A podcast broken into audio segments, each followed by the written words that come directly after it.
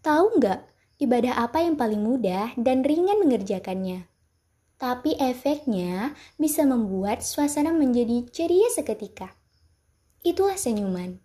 Seperti disebutkan juga dalam sebuah hadis yang diriwayatkan oleh Tirmizi, aku tidak pernah melihat seseorang yang paling banyak senyumnya selain Rasulullah Shallallahu Alaihi Wasallam. Nah loh, seorang rasul saja senyumannya tak pernah luntur walaupun bukan dalam keadaan bahagia. Lalu, bagaimana dengan kita umatnya yang untuk tersenyum saja begitu sulit rasanya? Bahkan kadang, berjumpa teman saja masih bermuka masam. Jika kita tidak mampu menolong seseorang dengan harta, cobalah buat dia bahagia dengan sebuah kebaikan dan senyuman. Senyum itu sedekah loh, murah, tanpa rupiah.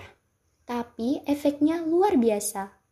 Yuk tersenyum, tapi jangan sama yang bukan mahram ya.